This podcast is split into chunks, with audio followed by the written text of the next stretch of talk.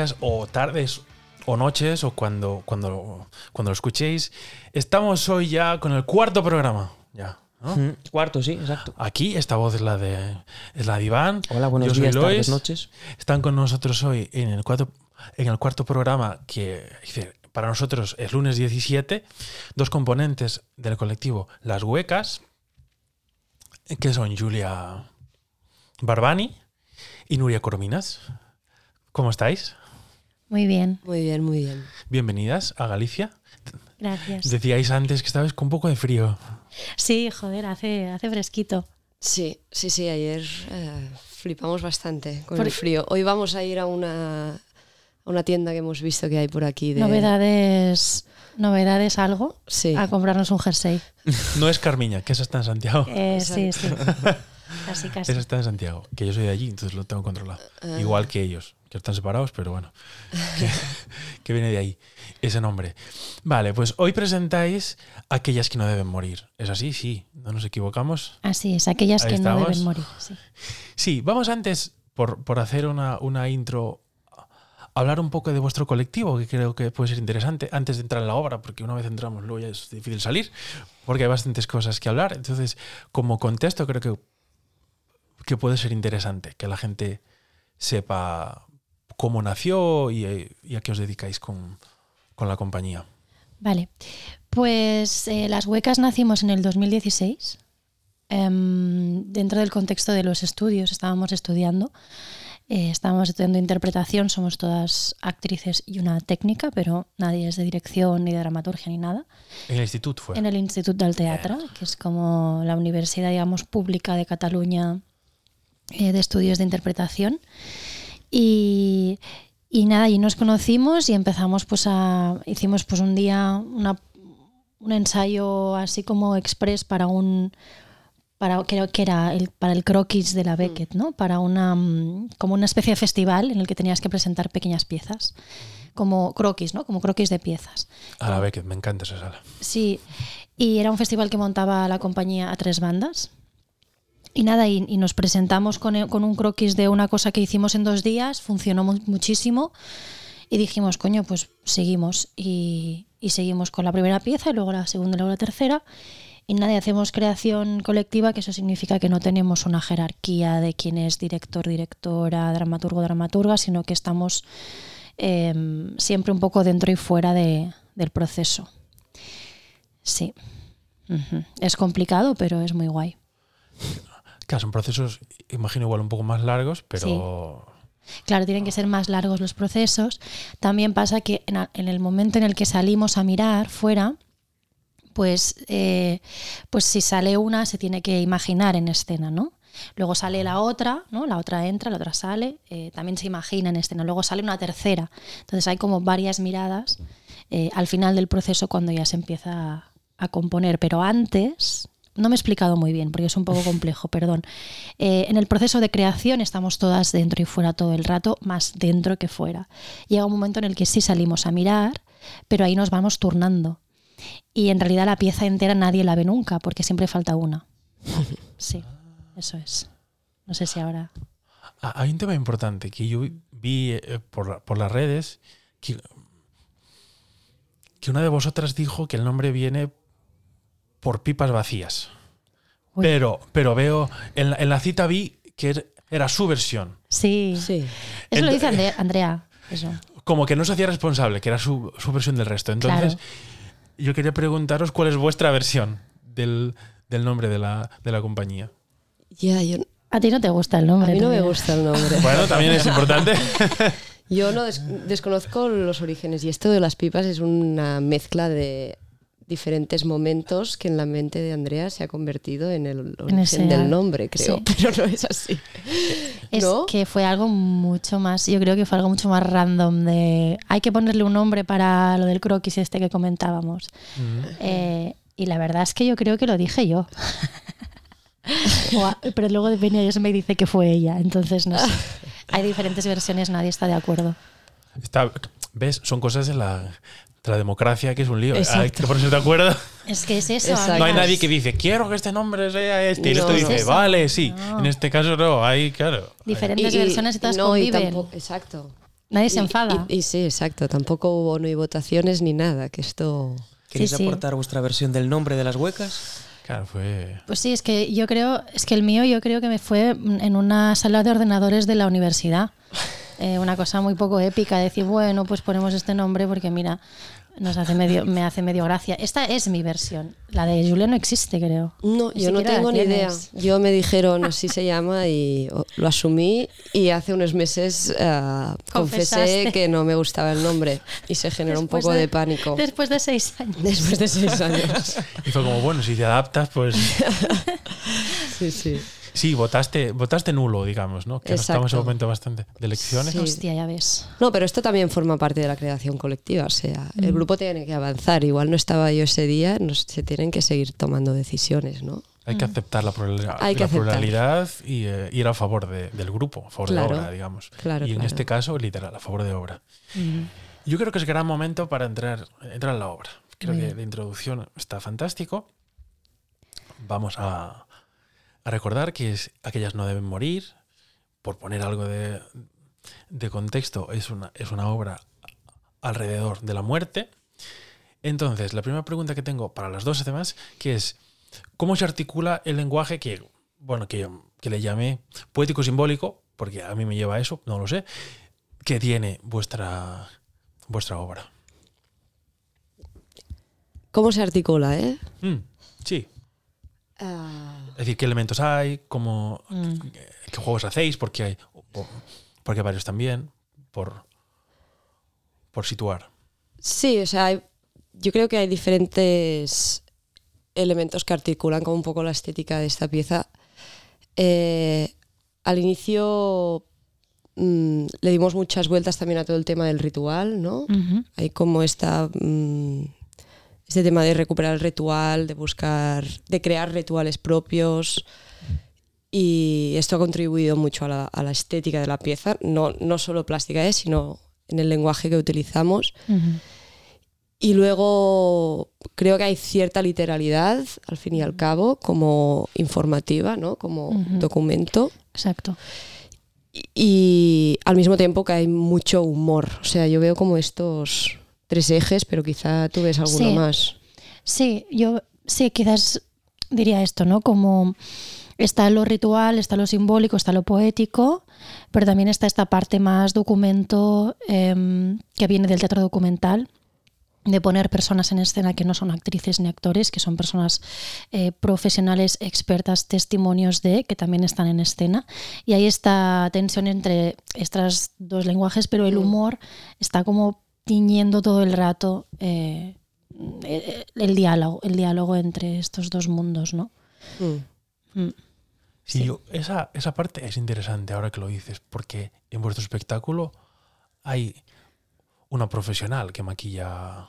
Sí, Sí, está Nuria Isern. Claro. Nuria Isern aparece, que ella mm, no solo es maquilladora, o sea, no, fu- no fue solo maquilladora de, de difuntos, sino que también pues, era tanatopractora, ¿no? O sea, todo el oficio que tiene que ver con preparar la persona para, eh, para el tránsito.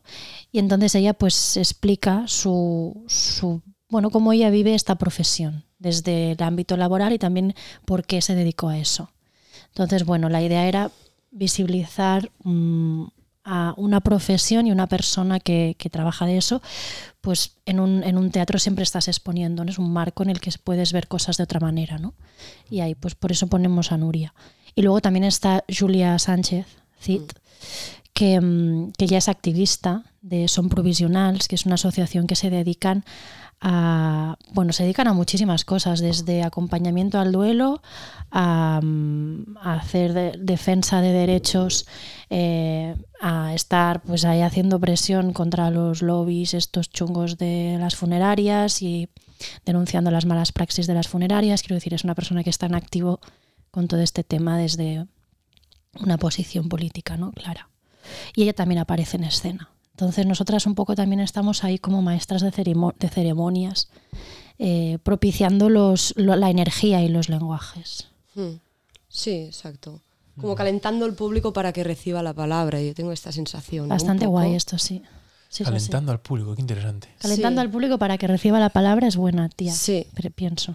Aparte de imágenes muy potentes también las que presentáis vosotras, ¿no? Cuando es después del momento en el que la primera eh, que está maquillando el, el- bueno, la persona que está difunta, Ujú. que es una actriz, ¿no? De vuestra compañía, que se Sí. levanta Sí, de repente. Es Julia. Sí, que eres tú. Yo. Sí. Eh, es muy impactante también ese momento. Sí. Cuando hacéis como las danzas macabras, que estáis como bailando en Sí. círculo, que es muy ritual también. Ujú. Sí. Mm. Y bueno, comentabais que hay mucho humor y también Sí. hay anécdotas muy graciosas al principio del trabajo de la primera que está maquillando. Mm, De Nuria, sí. Y, y, bueno, es muy bonito ver esa humanización de un proceso que es como tan trágico también Ujú, como es una, una muerte. ujú. Sí, sí, sí. Y ella lo explicaría mejor, pero bueno, es que es muy bonito como ella lo vive, realmente está muy, muy implicada. Claro, hay que pensar que ellas, que no son actrices profesionales, están con nosotras cada bolo. O sea, es, eh, es un trabajo bastante comunitario en realidad, porque estamos llevando a escena gente que no forma parte de, de la profesión. Entonces, Que, que no saben lo que es ir de gira tampoco. Bueno, ahora ya lo saben. Ahora sí. Sí, con y lo que implica, y claro. Sí. Pero eso también es guay. Yo creo que eso no- lo hablamos poco, pero creo que es muy interesante. Hay un momento en el que el teatro se convierte en un ágora, ¿no? Sobre todo al final de la pieza. Y eso está chulo, como abrir un poco, eh, sí, agrietar un poco lo que es el marco de representación típico de teatro y bueno, de golpe al final parece, pues eso, una especie de, de foro o de... Sí, Mm, ya no es, ¿no? Es como algo más que una pieza. Claro, que no sea solo. Bueno, pasa lo, lo que pasa habitualmente. Yo, yo me siento. Es decir, hay un. eh, como una parte muy activa y la otra muy pasiva. e Intentar ir a un equilibrio en eso, ¿no? Entiendo yo. Hay. Como además, creo que era. Como la pieza tiene claramente dos lados. Es decir, ¿qué elementos componen la parte, digamos, de documental que tiene el texto? Pues... Pues parla tú. No, no. Pues, eh, o sea, cuando tú llevas a, a una. Cuando llevamos a Nuria Isern, ¿no? A, a escena y ella explica y, y reproduce lo que hace con un muerto, pero con una actriz, ahí sí estamos jugando un poco a lo documental en el sentido de que ella es una, es una testimonio, es una experta, es una profesional, ¿no? No es una actriz, es Nuria Isern, eh, profesional tanatopractora. Entonces ahí es donde eh, estamos exponiendo, ¿no? El, Mm. el- bueno, no sé, a veces el teatro documental juega con eso, ¿no? Muchas veces juegan con reproducir de una forma como muy en el teatro, de una forma lo menos eh, expresiva posible los testimonios. En este caso nosotras traemos el testimonio propiamente. Mm, Y además es muy bonito, por ejemplo, en esta escena de Nuria Isern, a mí me parece súper interesante, ¿no? Cuando lo, lo llevas al teatro, pues eh, el, el soufflé como crece, ¿no? Pero además Nuria Isern es como, como una bailarina de golpe en escena, ¿no? Porque tiene este manerismo de profesional, o sea, su movimiento está súper entrenado en aquello que hace. Claro, muy ensayado de años. Cómo, cómo Claro. No de tres masajea, meses o así. cómo mueve ese cuerpo, es, es, es precioso, es precioso. Y eso en un Es teatro. tuyo, además. El Sí. mío, exacto. Y Sí. eso en un teatro, pues, eh, ¿no? Tú pones eso en un teatro, pones una- pues que también pasaría con cualquier profesión. Sí. ¿no? Tú pones a un herrera, un herrero, una herrera, bueno, o a un mecánico en un teatro y, y lo miraríamos desde una mirada probablemente mucho más estética que pensaríamos, wow, o yo que sé, alguien que limpia vidrios de golpe, Claro, ¿no? hay puede una, ser un una bailarín. técnica del movimiento ahí. Sí, bueno, es esta cosa muy de- trabajada y muy Claro. asumida por su. Sí. Que eso muy pasa bonito. cuando pones las cosas en el teatro, ¿no? Mm, Exacto. Sí, es como ponerlo en un lienzo en blanco. De Sí. repente Exacto. lo pones ahí, Y lo sacas de, de contexto, pasa en arte contemporáneo, ¿no? Ya, Sí. ya pasó, sacas los elementos de, de contexto y se convierte en, metáfora, sí, directamente, solo por poner, yo que sé, el, el inodoro, El- el, el sí, famoso inodoro exacto. de tal. Y ya se, se genera un debate sin, o sea, sin hacer nada, no, porque sí que es hacer bastante, es tomar esa decisión, que no, no es poca broma. Mm, Y vosotras arriesgaros incluso a llevar a una persona, a intentar conseguir cómo hacer a nivel de, de agendas, porque esto no es fácil. mm.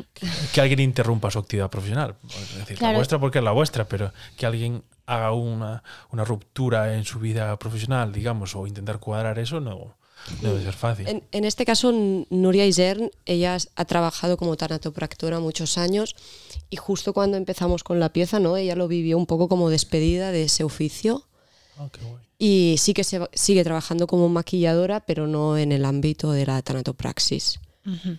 Y para ella es muy bonito, ¿no? Porque tiene como muchas contradicciones con este trabajo. Eh, Para ella lo, eh, lo hace desde un lugar muy bonito, pero al mismo tiempo es un trabajo muy duro.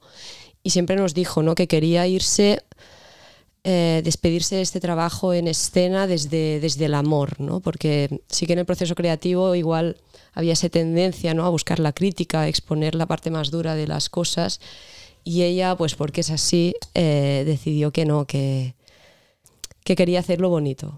Y, y siempre nos dice, ¿no? Nos, nos da Mm. como las gracias de que para ella es como un ete- eterno despedirse de, de aquello.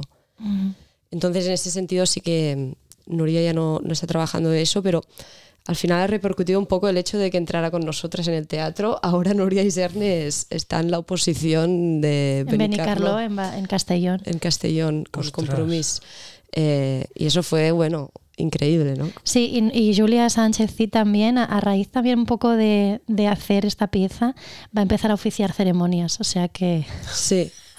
Ostras. el teatro puede ser emancipador realmente. realmente. Sí, sí, completamente, sí. Sí, Wow. Para los que la, para los que lo hacen, seguro. sí. Sí, marca. Bueno, el, el sábado lo hablábamos con, con Marina. Hay, hay eventos que marcan un antes y un después. Sí. Se convierten en, en ACDC de hasta aquí, sean de una forma o de otra, y dices, mira, pues esto marca y es como marca páginas. eh, De aquí a aquí y luego de aquí a aquí. Hay una frase que hay en la, en la pieza y que yo creo que puede estar muy bien um, hablar de ella, que es que es las jóvenes somos inmortales. Mm. Que yo cuando lo escucho digo, hostia, ¿y esto? ¿A, a qué os referís con esto? Esto no sé si se dice propiamente en la pieza. No, en la pieza no. O sea, y quizás se dice Pero, en alguna, sí. en alguna entrevista o algún dossier, pero Bueno, tiene que ver con el inicio un poco de por qué nosotras nos, nos entró para hablar de la muerte o de la capitalización de la muerte eh, o de la industria funeraria, ¿no? que es un poco de lo que habla esta pieza.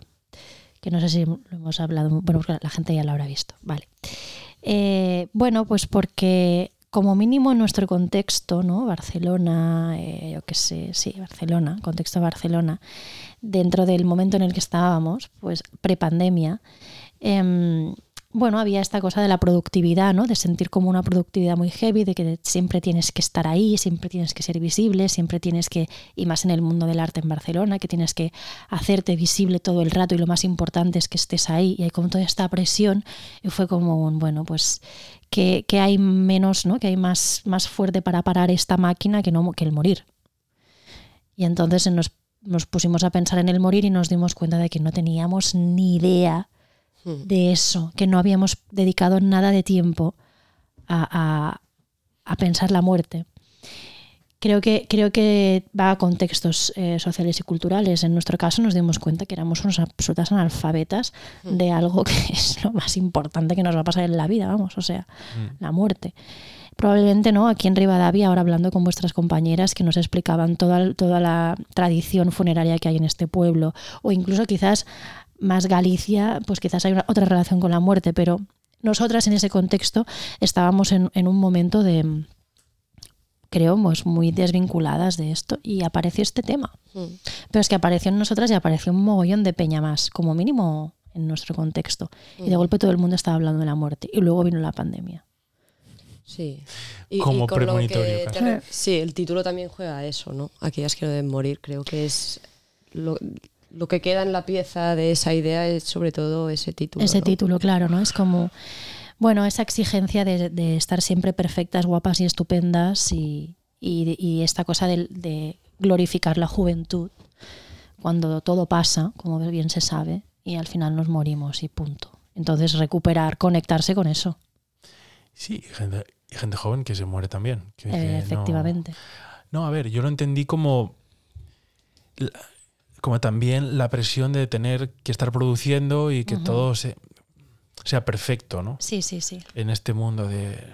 ¿no? De quien tiene más seguidores es gente que aparece con un cuerpo genial y Mm. no sé qué. Y esta cosa de. de la perfección de la, de la juventud como que no puedes, no puedes fallar. Igual si el, el cuerpo te falla, ¿por qué no? Sí, sí, sí. No solo casi falla a una un, persona un- de- un ¿no? fracaso, ¿no?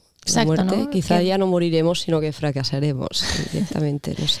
Claro, sí, en, esta, en la lógica del éxito y el fracaso ¿no? Capitalista, morirse es como un fracaso, hostia. Sí.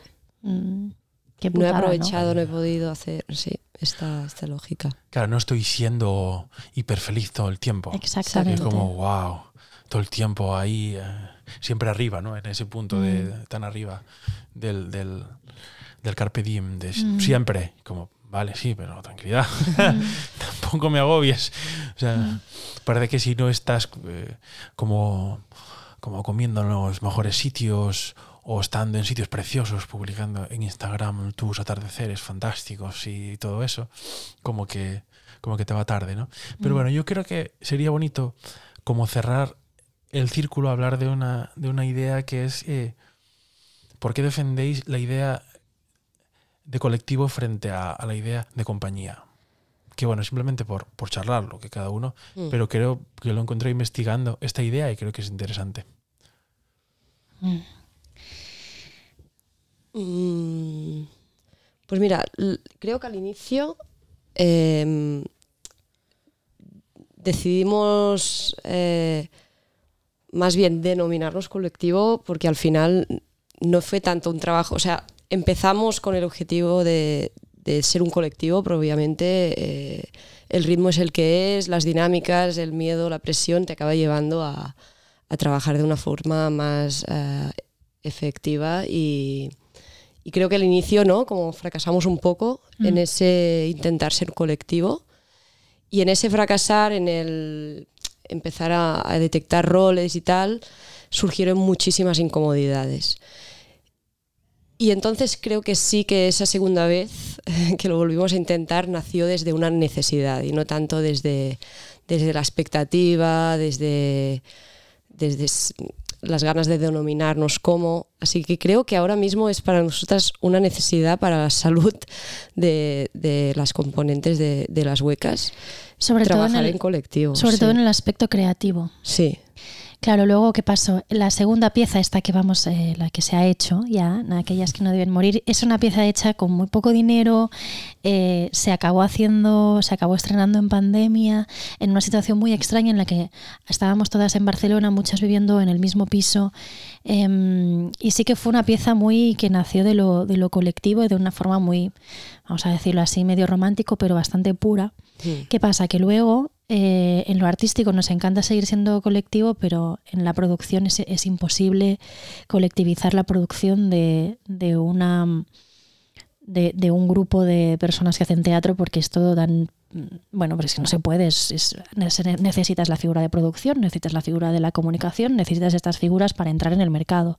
A la que entras en el mercado, la colectivización de las tareas está muy bien, pero es un poco eh, naif, ¿no? Pensar que se puede Mm. realmente ser efectivas en, ese, en esas exigencias.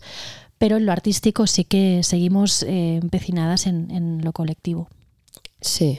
Pero bueno, claro, es que... Pero creo que es una condición, Sí, porque es que realmente todas tenemos muchas opiniones y mm, mucho carácter y mucha decisión, entonces sería imposible trabajar de otra forma. O sea, alguien tendría que, que hacer el es- un esfuerzo inmenso para, para no opinar, para no decidir, porque es nuestro esto es, es nuestra forma de ser, al fin y al cabo.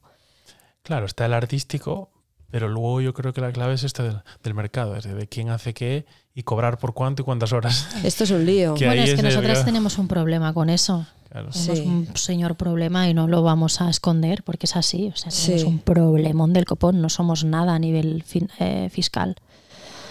Sí. Y me pregunto hasta qué punto, y yo lo digo como muy, no sé, sinceramente, hasta qué punto es posible eh, tener a- funcionar colectivamente en un mercado tan Es precario. que no, no existen las estructuras, es decir, Exacto. es muy difícil. Claro. O sea, ya es difícil coordinarse internamente a nivel artístico y luego tienes 10.000 obstáculos que te impiden, que te están y que al final mucha gente abandona, ¿eh? O sea, hay muchas compañías, Hablábamos compañeras en nosotros justo. Barcelona que están abandonando. Claro, hombre, si no hay Y- nadie que se encargue de que exista una, ¿no? una, un humus cultural y unas condiciones materiales dignas, que eso es lo primero importante, como todo, el- bueno, como los gobiernos que tenemos sean de izquierdas o, o lo que nos va a venir, si es que nos va a venir, no sé. En fin. em, en Y es, fin. y es una pena porque obviamente al final no es por las ganas que tengamos nosotras de trabajar o no en colectivo, no es una pena porque se pierden un tipo de trabajos que son diferentes a Mm. los de una creación jerárquica, porque son mm, auténticos Frankenstein, son cosas muy extrañas y se, se ve en el resultado el- la forma en la que se ha trabajado. Entonces, eh, a mí me da pena sobre todo por eso, ¿no? Porque es un tipo de lenguaje al final Sí. se genera un lenguaje diferente, es otra cosa. Mm. Es mucho menos, mucho menos preciso, mucho menos virtuoso, pero pasan cosas que, que son muy, muy directas. O eso es la, la- lo que nos ha llegado del público. El público sale a veces de la, de la pieza eh, muy, joder, muy interpelado, porque están A, B, C, pa, y todo ahí. No hay grandes... ¿no? grandes lenguajes em, conocidos a los que te puedas aferrar cuando ves esta pieza. No, es- no sabes por dónde va. No, porque hay No lenguajes conoce- no de todas conoces- que tenemos, Claro. cada una tiene un mundo súper diferente. Entonces están todos ahí. Claro, hay un, como una conjunción de, de lenguajes, ¿no? Exacto. Sí, sí, sí. yo creo que es buen momento para, para hacer un giro, Muy bien. hacer un giro a, a jugar, a jugar con, con el señor Iván. Va a la cabecera, que ayer te la colé. O, Sí, ahora ya estoy prevenido. Ayer que- te la, te la colé, pero te la colé bien, o sea que. O sea que fantástico.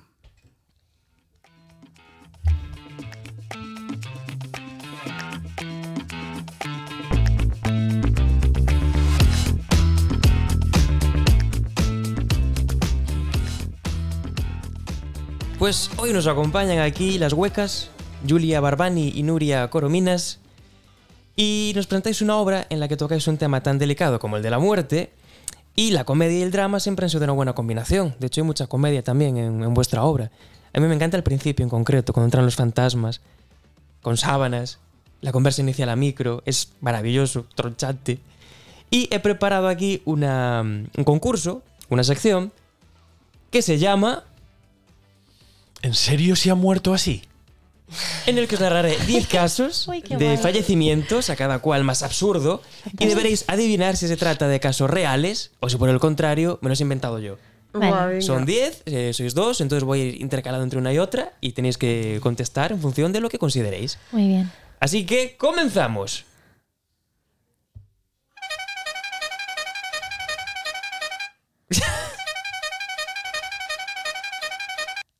Una vez llegaba, ¿eh?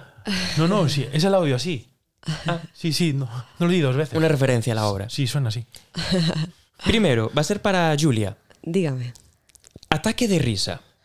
Crisipo de Solos fue un filósofo griego, máxima figura de la escuela estoica antigua, que murió en el 206 a.C., víctima de un ataque de risa tras ver a un burro comerse unos higos.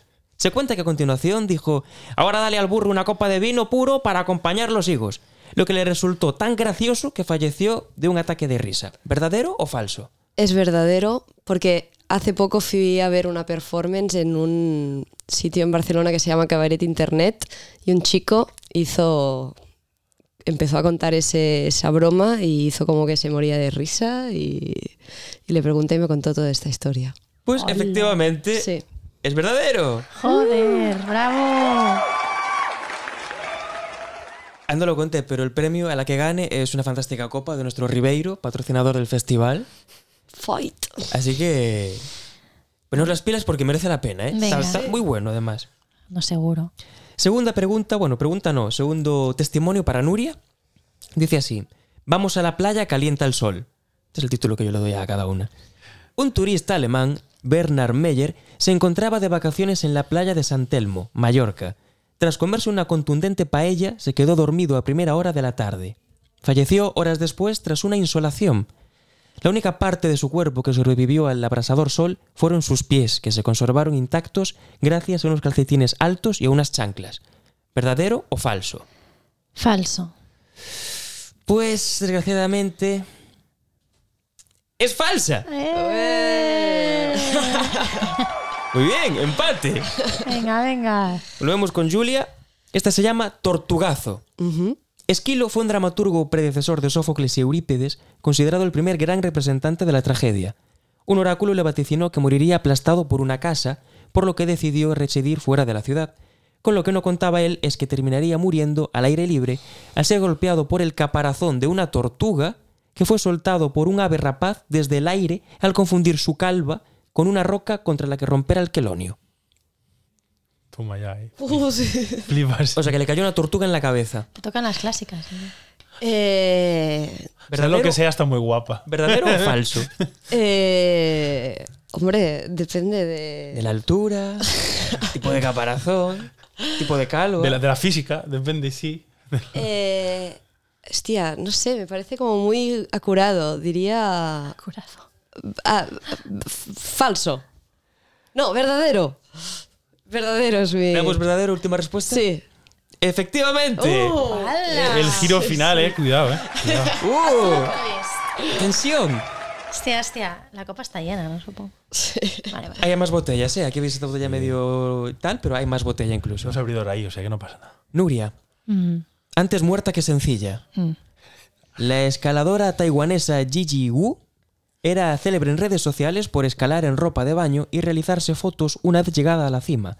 Al tratar de hacerse un selfie, cayó tras una altura considerable quedando atrapada en una garganta de la montaña. Acabó muriendo de frío en la montaña más alta de Taiwán, en el Parque Nacional Yushan. ¿Verdadero o falso? Taiwán. Taiwán. Pensando en, en la geografía de Taiwán. Eh, Ser influencer es muy complicado. La montaña más alta mide 3.952 metros. Sí, es verdadero. ¿Estás segura? Sí. ¡Respuesta correcta! ¡Ole, ole! Bueno, De momento, cuatro preguntas, cuatro aciertos. Espectacular. Trivial. Empate. Qué Espectacular. Julia, bajo tierra. En la playa de Kohaku, prefectura de Ishikawa, Japón, una chica quiso sorprender a su pareja por su cumpleaños. No. Con la ayuda de otros cinco amigos, excavaron un hoyo de 2,5 metros de profundidad y lo cubrieron con una sábana. Cuando regresaron a la playa el día siguiente, cayeron accidentalmente y la parte superior cedió cubriendo de arena a sus cuerpos. Ambos fallecieron por asfixia minutos después. ¿Verdadero o falso? es que es fuertísimo. ¿Verdadero? ¿Te segura? Sí. Respuesta correcta. Esto está siendo. Se va a merecer una copa cada uno. Sí, sí, sí. eh, wow. Son, son muchos aciertos ya, como para. Aunque. Vamos a por la mitad, ¿eh? Quedan otras cinco. Nuria. Ironía dramática. En Varese, Italia, un 5 de mayo de 1970 se representó la obra teatral Muerte accidental de un anarquista, de Darío Fo. Durante el espectáculo, Leonardo Peperoni, un hombre de 53 años, de opiniones políticas anarquistas, falleció accidentalmente a la salida del teatro cayéndose por las escaleras. ¿Verdadero o falso? El pepperoni, mira. El pepperoni no lo veo, pero voy a decir verdadero. Pues No, voy a decir falso, voy a decir falso. Es falso. qué pena que cambiaras de opinión porque... No. ¡Es falsa! ¡Ole! Es el Muy pepperoni, es el bien. pepperoni. Te cazó, te cazó el pepperoni. Hay que meter Te lo, te lo cazó. Te lo cazó. Te lo cazó. Julia, Está claro. Pedrazo. El 26 de mayo de 1217, el rey Enrique I de Castilla estaba jugando en los aleda- aledaños del Palacio Episcopal de Palencia junto a unos amigos. La mala fortuna quiso que una piedra desprendida de una de las torres impactara directamente con la cabeza del monarca que quedó inconsciente. Los médicos realizaron una intervención para tratar de quitar el coágulo que se había formado en la cabeza de Enrique, pero no consiguieron salvar la vida del monarca que falleció días después. ¿Verdadero o falso? Verdadero. Increíble, respuesta correcta. ¿Qué año esto? Esto fue en el 1217. Ah, uff. Vale, vale. Ah, pasaron nada, unos años. De momento sin fallos. Quedan tres. Sí, ¿Y cómo, y, y cómo van? pues vamos por la 8, quedan 7, o sea que ahora mismo va ganando Julia. Pero vamos, que si está la cierta Nuria ya empatan otra vez, que es eh, la dinámica normal Sí. durante este programa. Genial, genial. Vamos a por el 5-5 entonces. Entonces la siguiente para Nuria, estornudo. Un 8 de marzo de 1827, el francés André Dubé, o Dubá, se encontraba leyendo un libro recostado en su cama. En un determinado momento estornudó y debido a la postura forzada en la que se encontraba, le dio un latigazo en la espalda. Al intentar incorporarse bruscamente, se golpeó en la cabeza con la puerta de su armario y falleció. ¿Verdadero o falso?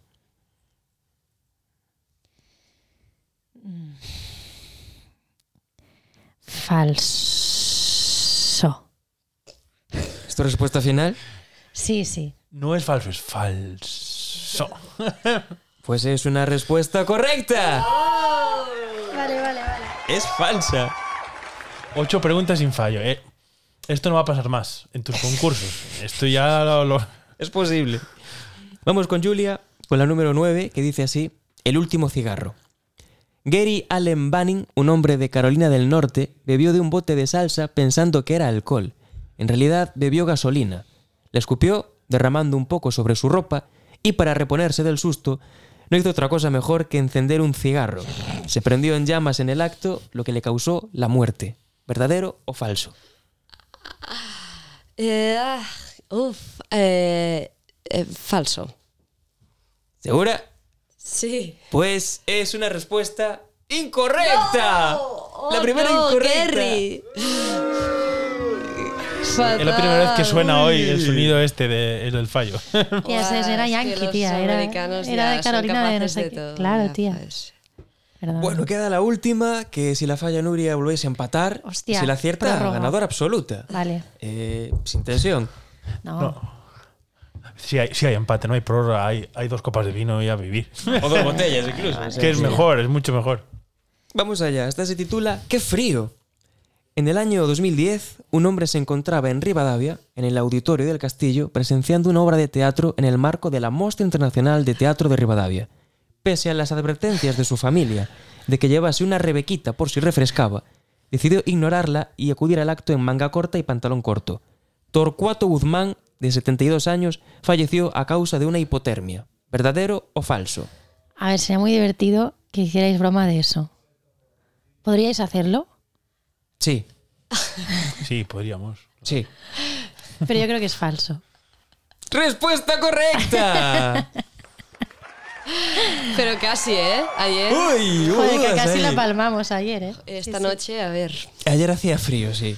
Ya, Uy, yo sí. me acordé, el, el- es que el sábado estaban estaba Marino Otero con cinco bailarines. Y los bailarines se pasan la hora en pelotas. Toda, ¿eh? Toda Nosotras estamos un momento. Y había, y había momentos que sí, claro, al principio bailan, pero hay, hay momentos de la obra que se paran y tal. Y a mí me encantó la obra, pero me pasé parte de, la obra como una madre Sufriendo. preocupado, diciendo, estos chicos están pasando frío, estos chicos están pasando frío. Porque claro, si, si arrancas a, a sudar y estás en pelotas y te entra es- esas ráfagas de frío, te No, no. mueres. Como- No, no, sí. Ellos sí. chicos muy fornidos y tal, pero bueno, sean fornidos o no, te Eran entra el aire. chicos, ¿eh? Sí, sí, cinco hombres.